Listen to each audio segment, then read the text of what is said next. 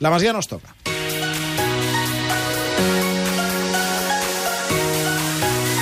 La Masia no es toca.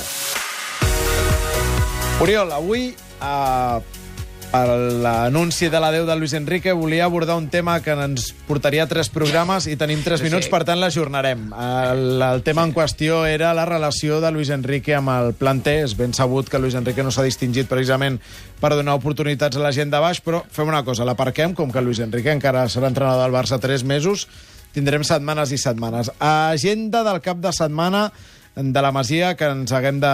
de, de... de, cap de setmana i de, i de la setmana que ve. Sí, senyor. Dos Tens partidets tota que, la raó. que la gent que li agrada el futbol base no es pot perdre. Demà a les 12, Sant Joan d'Espí, eh, cadet A, els cadets de segon any, Barça Espanyol.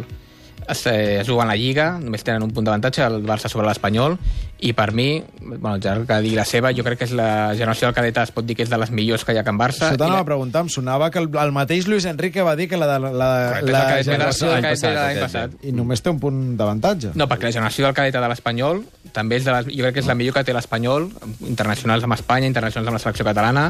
Per tant, jo demà recomanaria a la gent que vulgui que, que vegi aquest partit, perquè jo crec que serà un partit. Un bon partit segur, eh, i avui en el que diu a, a l'Uri, una bona generació. Jo també em quedo amb la generació del juvenil B, eh, del Barça, l'equip que està entrant el Quique Álvarez, també té 3-4 jugadors de molta, de molta qualitat, però el de demà és un derbi El partit d'anada del Barça va guanyar apassionant. 2-3, ja va Sí, ser sí. un molt bon partit, i jo crec que demà tornem a veure un gran partit.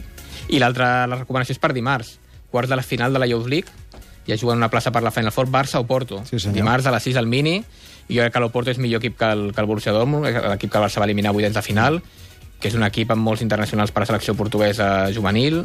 Torna Ayub, un jugador que va estar 9 Sí, anys sí. a Can Barça, un jugador Que jo marroquí. hauria, hauria, veient-lo de petit hauria dit que, que Andà no arribaria lluny i no va arribar ni al Barça. un jugador molt talentós que sempre Sí, va jugar... Eh?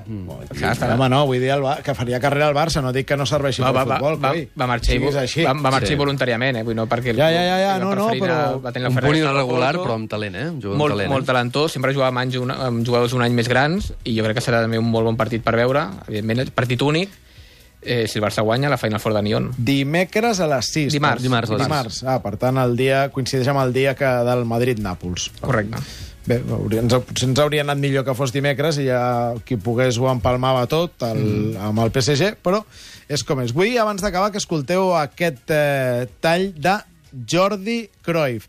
El Ricard Ostrell eh, se n'ha anat a Tel Aviv a fer-li un quatre gats a, al fill de Johan Cruyff i parlen de moltíssimes coses. Aquesta entrevista la podreu escoltar demà a les 11 és interessantíssim com explica Jordi Cruyff els últims dies de, del seu pare, però hem rescatat un document en què parla de la separació amb Carla Reixac eh, en el final de l'etapa de Cruyff com a entrenador. Yo escuchaba todas las conversaciones de mesa que tenían. Y claro, Charlie en muchos casos era bastante más radical que mi padre. Pase mi padre el que sería en la prensa a, a dar su opinión. A ver, yo los he oído hablar muchas veces y, y Charlie también tenía unas ideas muy claras. Entonces, cuando pasó todo, pues sí que sorprendió que él se quedara.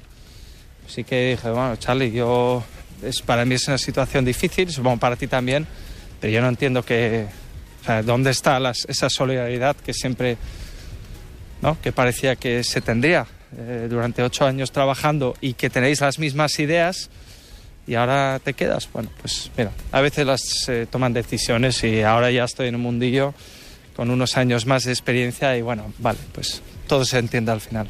Tot s'entén al final un Jordi Cruyff clar, però crec que conciliador en el, en el tram final d'aquesta resposta.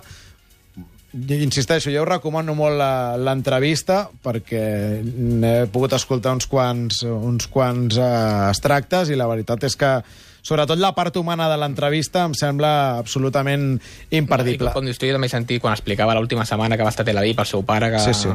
Bueno, molt interessant Demà a les 11 aquí a Catalunya Ràdio, quatre gats al suplement amb el Ricard Ostrell entrevistant uh, Jordi Cruyff. Oriol Domènech, Gerard Autet, Santi Jiménez, gràcies per ser-hi. Parla un crip, jo només m'aixeco i aplaudeixo. Doncs mira, no hi ha millor manera d'acabar la tertúlia d'avui que aplaudint.